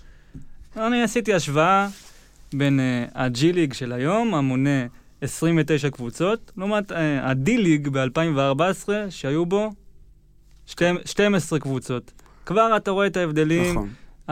הכמות שחקנים שבג'י ליג היא כבר עצומה, וזה לא רק אה, מבחינה כמותית, זה גם מבחינת שכר של שחקן, זה לא רק שחקנים אנדרפטד, זה שחקנים נכון. שבאים מאירופה. נכון? אה, בעבר המשכורת בסיס הייתה בין 13,000 ל-25,000 לחודש. אה, סליחה, לעונה. לעונה. לעונה. היום השכר בסיס לחודש 7,000 ועונה 37,000 דו- אה, דולר. ויש בונוסים של לשחק ב-NBA, אם אתה מקבל חוזה לעשרה ימים, עוד 50 אלף דולר פלוס. אני אגיד לך מה, יש גם את העניין עם הקורונה, שבשנתיים האחרונות הרבה מאוד שחקנים מקבלים את החוזים האלה. וזה מוביל אותנו. עכשיו לגל הנוכחי. בדיוק. אה, אנחנו ב- באמצע עונה ב-NBA, כבר נשבר שיא של שחקנים ששותפו השנה ב-NBA, מי שבר את שיא השיא? היסטורי, אה, גרג מונרו. גרג מונרו. גרג מונרו. אה, אז נשבר כבר השיא. אתה רואה ששחקנים, לא פחות מ-95 שחקנים עלו מהג'י ליג ל-NBA, קיבלו חוזה זמני. אה, מליק ניומן. מליק ניומן, ג'סטין טימן, סקוטי אופסון, אה, אה, טרי מהפועל ירושלים, סירבידיס מהפועל ירושלים, קט ברבר, מיל. לא חסר אפילו אקסאבייר מון, שהיה שנה שעברה בהוד השרון בליגה הלאומית, שיחק בקליפרס. ללמדך. ללמדך, דבר. אה, כן, ארז. אז מה המסקנות שלנו? שאין מי להביא. ששחקנים לא ממהרים לעזוב את המדינה נכון. שלהם, לשחק באירופה. אם אה, ראית מה ג'ובה תייג אותנו, אתה רואה איך מתייחסים לשחקנים ששיחקו בחו"ל כן. כגיבורי מלחמה, לא שיחק בשמונה, שמונה זה כאילו הוא היה נכון. בווייטנאם. זה, זה, אתה, נכון. מבין את החשיבה שם. אה, ומה זה אומר? אה, יש היום, בגלל הכמות קבוצות, יותר משרות בעבר, מבעבר בקבוצות ג'י ליג. בכל קבוצה יש לך שם איזה 15 שחקנים, כאילו, זה, זה כמויות עצומות. חלק תעשה על את ה- טו ווייז. תעשה את החשבון, ש- אה, 29 כפול 15, אה, וגם, יש שם, לאחרונה, פחות, יותר שזה- משחקים, פחות, בוא נגיד, מתאמנים שם פחות חזק, ברור, אתה מסכים איתי? ברור. משחקים שם פחות הגנתי, אין את המאמנים שצועקים עליך. הם לא עוזבים את יש הבית, לך אתם אפשרות שוכחים להגשים את את זה. החלום ולשחק ב-NBA? למה להם? הג'יליג אה, זאת אג- הבעיה, רגע, אבל טבוך, אתה מתעלם ממה שאני שואל, הג'יליג זאת הבעיה היחידה של השוק האירופי? לא רק, העיקרית? סתם נניח, תראה שחקן, קמרון אוליבר, מטייל השנה, מטייל, מחפש קבוצה, מתאמן עם קבוצות וזה, משיג מפה לשם חוזה לעשרה ימים, הופ, קיבל עכשיו חוזה ב- ב- באטלנטה, אם אני לא טועה, אוקיי. 85 אלף דולר לעשרה ימים. אז מה- למה, למה לא לשחק עונה שלמה ב- בישראל ולהרוויח 150. 120, 150 אלף דולר, אם הוא יכול להרוויח בעשרה ימים ולהגשים את החלום ולהרוויח 85 אלף דולר. הם גם לא עוזבים את הבית, בסופו של דבר הם צריכים לעבור מעבר לים, לנסוע לאיזה נכון. מדינה שלא תמיד הם מכירים, לא אבל תמיד שוב הם אני יודעים. שואל, זאת הבעיה. זה משבר שילווה. זה, ו- זה ילווה כמה זה שנים ילווה טובות, אין אותנו. ספק. השיווי משקל, משקל בשוק שחקנים השתנה לחלוטין. כדי לשכנע שחקן לעזוב את ארצות הברית ולשחק עכשיו באירופה, זה לא מה שהיה בעבר, זה כבר... אה, אתה אומר לו לוותר על החלום שלו לשחק ב-NBA, הם מבינים כבר שאתה משחק בג'י-ליג, אתה כנראה כבר תגיע ל-NBA. אתה רואה את זה כבר ברמת יורוליג, אתה- נגיד הדיווחים מהיום. דיווחים מהיום. בריין אנגולה וג'רמר גלי למכבי תל מכבי אביב. תל אביב סובלת מהעניין הזה, סתם נלך, טריק בלק, הוא- הוא הוא לא שיחק העונה, הוא פצוע כמובן, אבל שחקנים ברמה של טריק בלק, שהם שחקן היורו, עמנואל טרי, שחקן מרקוס יורוליג. פוסטר. מרקוס מרק- פוסטר זה, הוא לא- הוא בג'י-ליג? כן, הוא בג'יליג, בג'יליג? בג'יליג של יוסטון. לא, אבל גם ברמת יורו, השוק מת לחלוטין, ברור. אין לך כלום בחוץ. בן- מ- מילאנו משלמת buy-out בשביל בן בנטיל. שילמה buy-out בשביל טרי טרי קל, ששיחק טרי שנה קל. שעברה נגד נס טרי ציונה קל. ב- בחצי גמר יורופ קאפ. טוב, אז אנחנו מבינים שהשוק בעייתי. או גמר מה- יורו קאפ, נגד מי זה היה? טרי קל שיחק ב... בפולין, הקבוצה הפולנית. אה, עם מרק אוגדן בסטל אוסטרוב, כן. זה היה חצי גמר או גמר? גמר. גמר? כן, עם מרק. טוב, אמ, אז אנחנו מבינים שהשוק קשה. אז אה, כשאנחנו באים ומתרעמים על שחקנים, א', ב', גייב יורק, לא לא אמרתי, גייב יורק. גייב יורק. האגדי. הוא- השחקן שאולי הכי הסריח פה את הפרקט ב- בשנים האחרונות. למרות שבשטרסבורג הוא היה טוב. אמ, עזוב, בוא נתקדם. בגלל זה אנחנו אומרים, להיות, לתת ביקורת מדויקת, להבין את מצב השוק, להבין מה יש, להבין מה חסר לקבוצה. בגלל זה, בגלל זה כשאני כתבתי את הטור על סטיב זאק, אמר, אמרתי, הוא לא מה שהיינו רוצים, אבל הוא מה שאנחנו צריכים במגבלות השוק ובמה שיש עכשיו. נכון. אני חושב שכנ"ל אדם סמית, אני חושב שהוא לא השחקן המושלם. אני חושב שהוא לא התאמה פרפקט, אני חושב שהוא לא נראה טוב בהתחלה שלו, בד- בדרך שלו.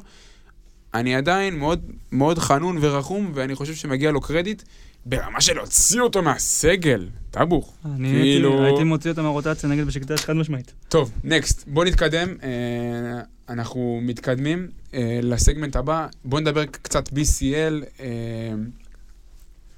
בוא נראה רגע, אה, מסיימים במקום השני בבית G, מאזן 4-2, מעפילים לשלב ה play-in, אה, שם נפגוש את אה, בשיקטש. אני נותן בקטנה דברים רגע על ה-BCL כדי שנבין את שלב, ה, אה, את שלב הבתים. אה, אנחנו מדברים על ה-BCL, אני מזהה אה, שני, שני דברים שרציתי לשים אליהם לב. קודם כל, ברמת ה- המפעל עצמו, שלב בתים, שאנחנו מסכמים שלב בתים, אני שואל אתכם, האם זה מצבור של מקרים נקודתיים, או מגמה כללית ב-BCL שאנחנו רואים שינוי של מאזן הכוחות? למה אני מתכוון?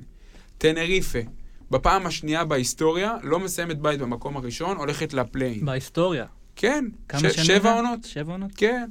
בורגוס מתרסקת לחלוטין בספרד, מקום לפני האחרון, מפסידה במחזור האחרון לריטה סבילנה, להזכירכם, אלופת המפעל שנתיים רצוף, החליפה שחקנים, החליפה מאמן, בריימו הלך, אה, הוא הלך המאמן?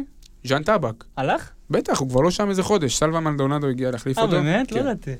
ז'אן טבק לא שם.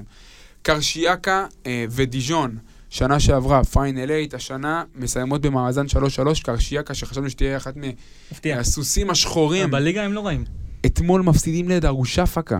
טרוי קופן 20 נקודות. אה, ללמדך. הוא היה עם המכנסיים למטה, למעלה, לא יודע? למעלה. 20 נקודות לטרוי קופן, קרשיאקה הפסידה ב... בטח למטה אם הוא קלה. וחשוב לשים לב, טרבוך, רשימה סנסציונית של מודחות מהמקום האחרון. אייק אתונה, ניז'ני, נימבורג, ססרי.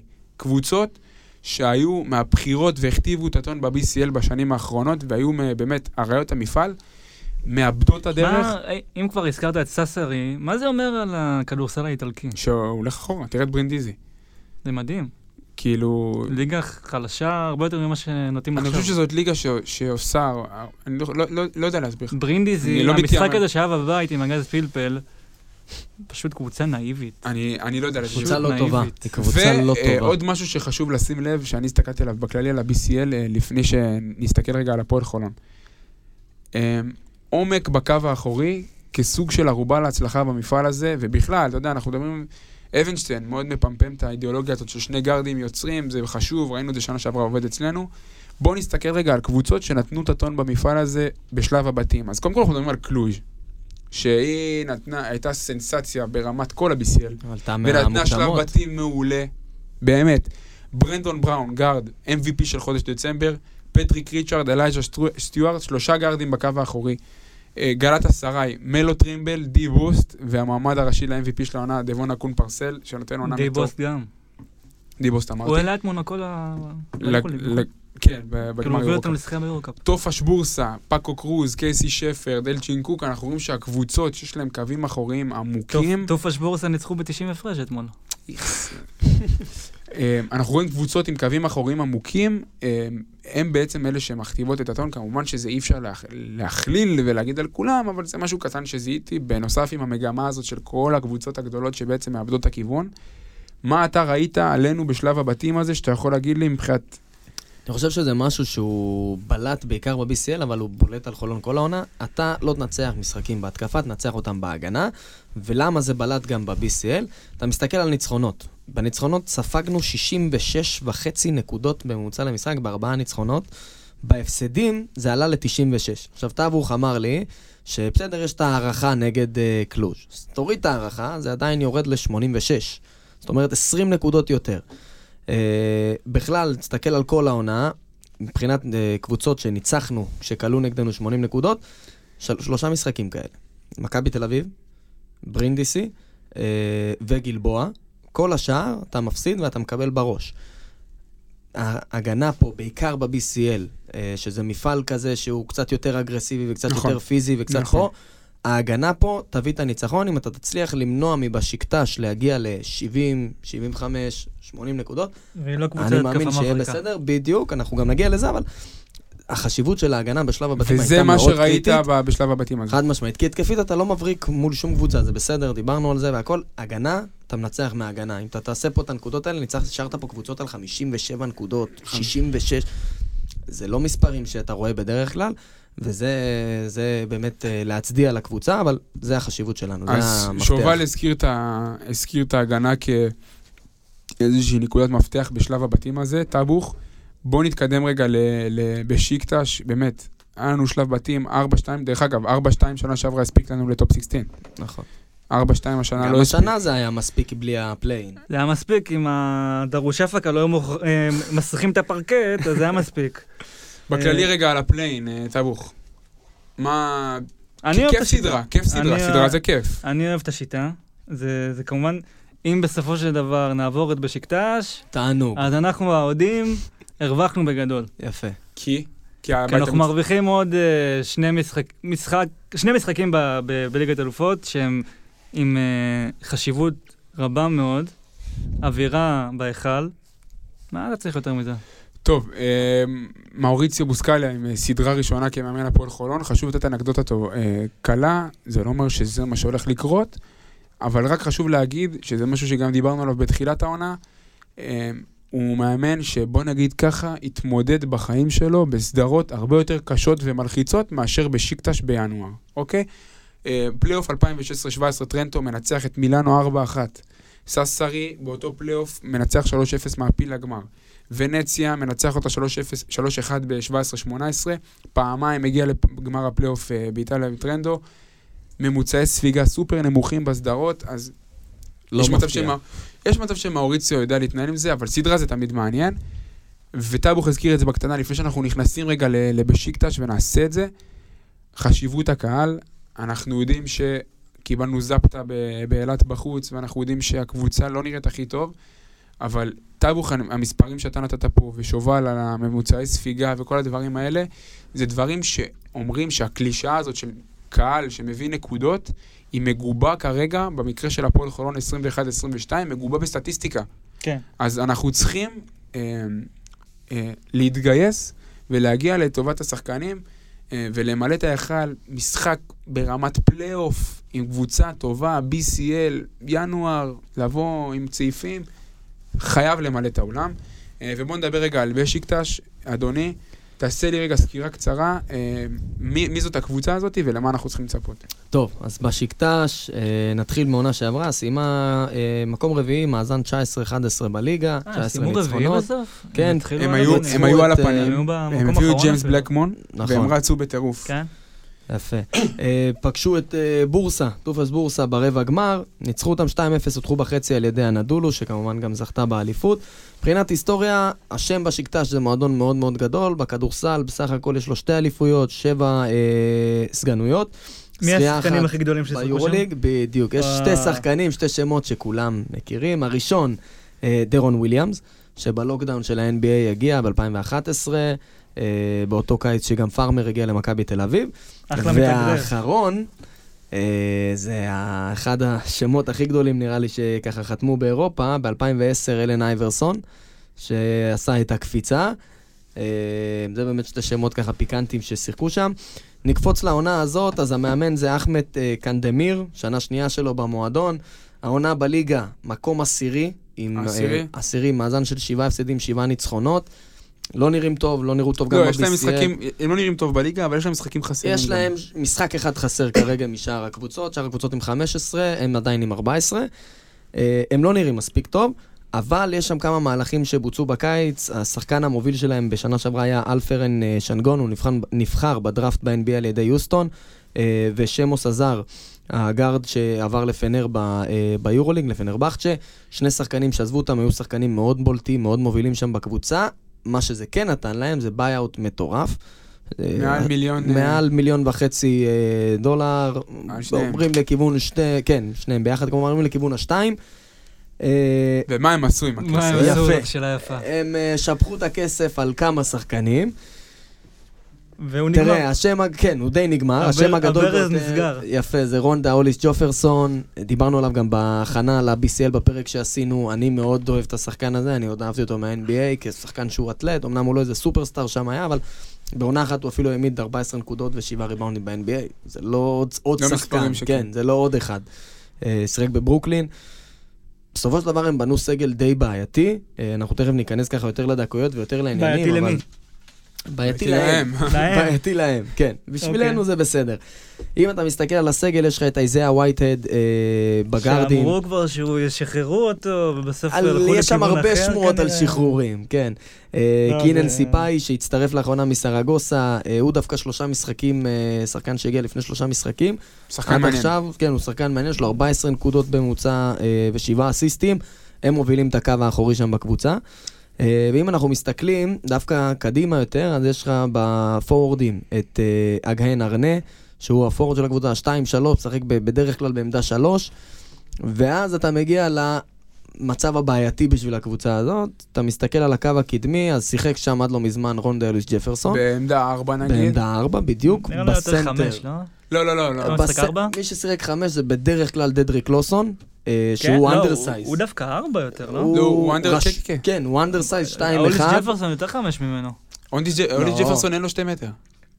תבדוק אותי. ג'פרסון הוא 2 הוא מטר לא, אולי על ברור שהוא לא הקשקש. חמש במקור, אבל בהתאם לסגל, נראה לי יותר מתאים לשחק בעמדה חמש. אני יכול להסכים איתך, אבל... יש להם undersize רציני בקבוצה.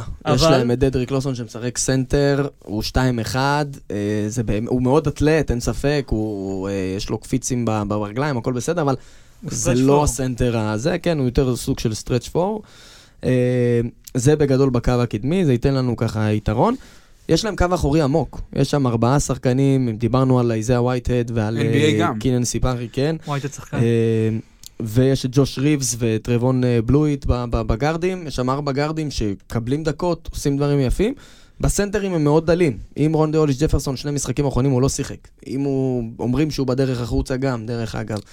שפכו עליו הרבה כסף. כן, אם הוא באמת בדרך החוצה, אז אתה אומר, אוקיי, מי ישחק בארבע? יש את דדריק לוסון, יש את ארנש, דיברנו עליו שמשחק שלוש, והילד הזה שמשחק בעמדה ויש אחרת. את הסנטר... אה, אלטלי.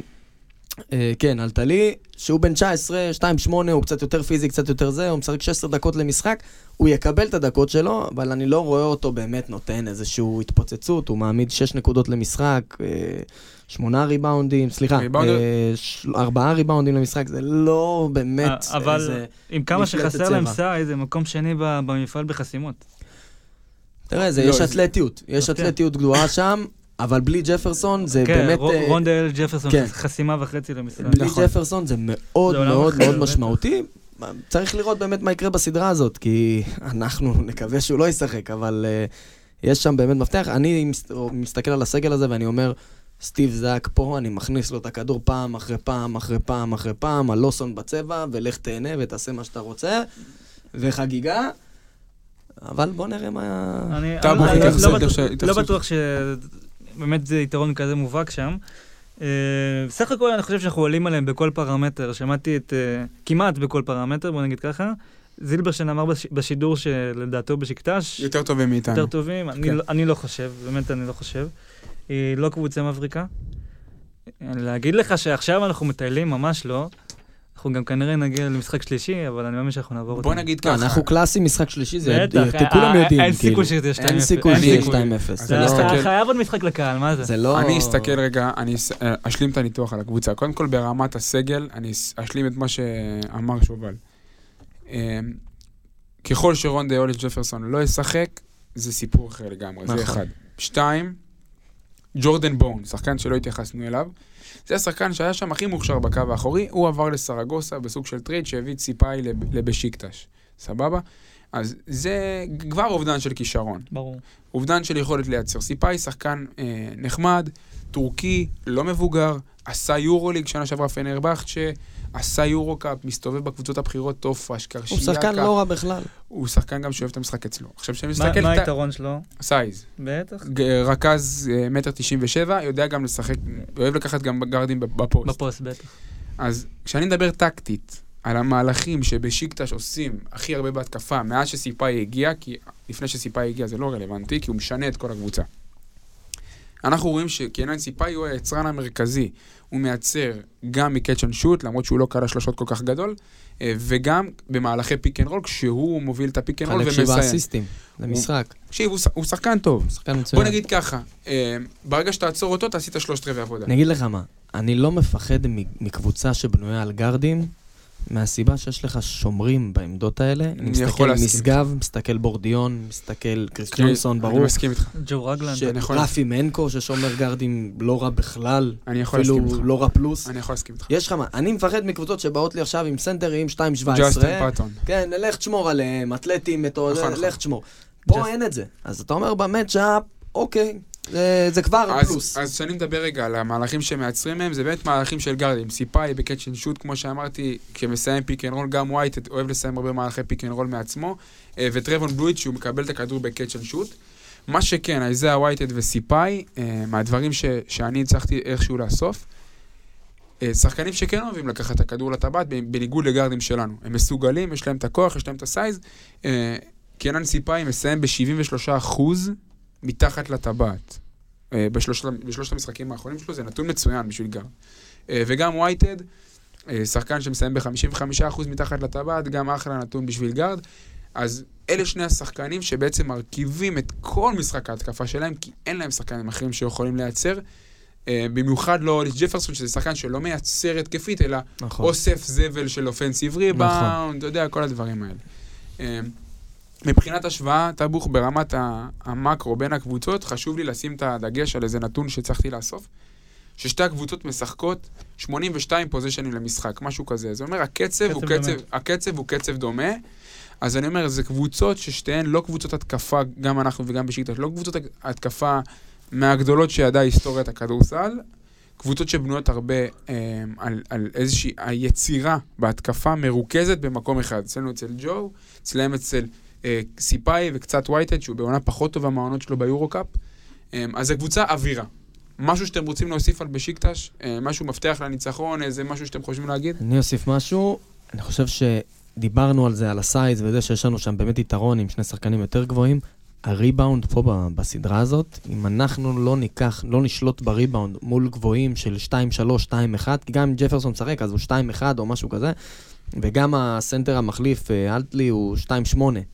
זה לא איזה לא, מפלצת. מבחינת- מבחינת ריבאונד אנחנו כמעט זהים. זה כן, אם אתה לא 0.1. שולט בריבאונד בסדרה הזאת, בטח במשחק שיהיה בבית הראשון, אין לך מה למכור. גם אם תשמור אותם בהגנה, נכון. לשלוט בריבאונד זה יהיה must פה במשחק הזה. אה, ודיברנו, לעצור את הקו האחורי שלהם, יש לנו את השחקנים שיודעים לעשות את זה. מה אה, שכן, אי אפשר לפתוח עם. אה, רגלן על סיפאי. לא. קודם כל, מי אתה שם על מבחינת סיפאי? שלא ידביקו לו עבירות, שהוא לא ידביק לרגלן את את מי רגלן. שומר אז? הוא צריך לשמור על שחקן. תחביא אותו. על סיפאי בטוח לא. אז מי, מי אתה שם על סיפאי? את, אה, בורדיון, אה, כן. בורגוניון על סיפאי זה מצ'אפ טוב. רפי מנקו.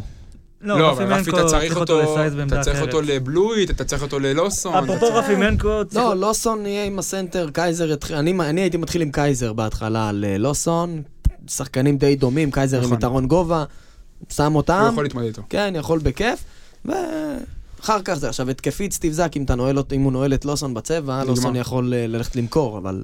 מה רצית להוסיף? לא, רפי מנקו, צריך לציין את ההגנה שלו, לאו דווקא אישית, יותר הקבוצתית, הוא יודע לחפות על שחקנים. אה, נכון. יש לך תשובה לשאלה ששאלת פה בתחילת העונה? כן, הוא יכול לשמור על ארבע. יפה. יכול לשמור. הוא השתפר המון. בוא'נה, המון, לבבי. היום, הוא מחלק מחמאות. הוא התחיל קודם קרבי, אמרתם לי משהו והוא- אחר. כן, הוא התחיל קרבי והוא התקדם. טוב, אנחנו מתקדמים לעבר סיום הפרק. אה, בואו ניתן רגע מבט קדימה.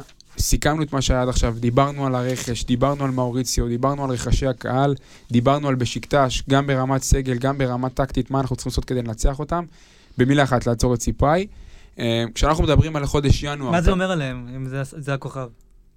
ומה אתה עושה כדי לעצור את דרוש ההפקה? אתה עוצר את רוי קופיין, זה ה-level של הקבוצות. סיפאי ב- בהנחה שאוליץ' ג'פרסון לא משחק. עוד נכון. פעם, אתה מדבר על קבוצה שנמצאת כרגע, נכון להיום, אחרי 14 משחקים, מקום 10 בליגה הטורקית. שאני מסכים איתך. אני נותן לך פה שמות של, של קבוצות, זה... אה, לא, בשקשיר, כן, יש כן. קבוצות טובות, אין ספק, הנדולו, זה, זה, אבל בשקשיר ובורסה ספור וכל מיני קבוצות קבוצות לא, כן, לא קבוצות גדולות. שנמצאות מעליה. טוב, אז uh, מבחינת ינואר, טאבוך, לוז, uh, יום רביעי הקרוב, ביסה 9, משחק מספר 1 בשיקטש בבית, בוא נפוצץ את ההיכל. אה, חובה. אנחנו הולכים טאבוך אה, שובל לסריה של ראשון רביעי. ראשון רביעי, ראשון רביעי. אז רביעי בשיקטש בבית, ראשון הפועל תל אביב בבית. רביעי. בשיקטש בחוץ, יום ראשון, רבע גמר גביע המדינה, הפועל חיפה בבית.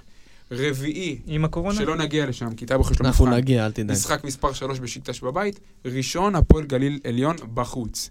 ואז, אם בעזרת השם נעלה, ברביעי אחר כך, ב-26 בינואר, מתחילים את השלב, את הטופ 16 עם גלאטסראיי בחוץ, אוקיי? שזה אחד המשחקים הכי קשים. רגע, לא איזה- איזה בית אתה מצטלב? רק בוא נעשה סדר. גלאטסראיי, דיז'ון, ואנ- ויש את, כאילו, מי שתעלה מה- מהפליין, שזה לדעתי ריגה או, לוד, או לודוויגסבורג, ואנחנו. רגע, רגע, לא, אני אתקן את עצמי. לודוויגסבורג וגלת אסריי. בטוחות, ואז יש לנו ריגה דיז'ון או חולון בשיקטש. אוקיי. סבבה? זה הבית שמצטלבים איתו. טוב, חבר'ה, מילה קצרה שלכם על הגרלת גמר הגביע, טאבוך, הפועל חיפה, בית, דעתך. איזה חיוך. לאן אתה מחייך? כי אתם מכירים את האהבה שלי להפועל חיפה. לא, סתם, אני... מה לעשות, מפחיד אותי לקבל את שמחון וגרגורי ורגס במשחק. מכריע. וקדימה אלן שהוא שומר מדהים ושחקן התקפה שיכול לקלוע 30 נקודות בערב נתון. מפחיד, אבל...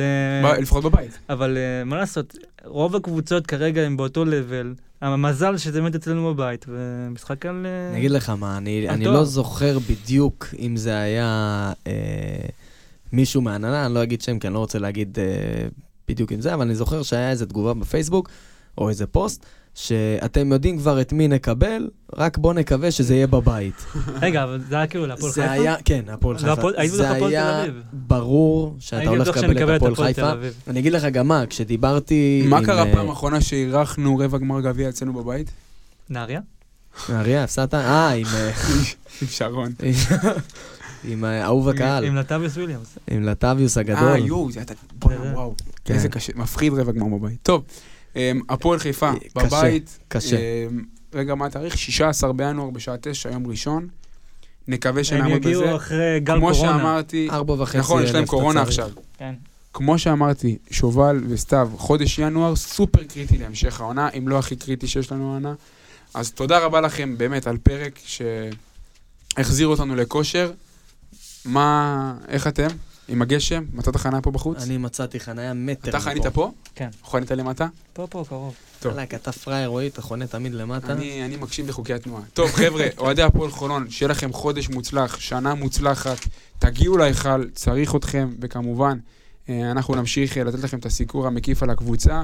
יאללה חולוניה. חולון זה הסטייל, חולון זה דיבור, חולון זה אחוז שרמוטה וואלה אני מכור. חולון זה הסטייל, חולון זה דיבור, חולון זה אחוז שרמוטה וואלה אני מכור. אני מביא פה את הסטייל של חולון. חולון זה אטלנטה, אני זה אטלנטה נגו אני מביא פה את הסטייל של חולון. חולון זה אטלנטה חולון כן אטלנטה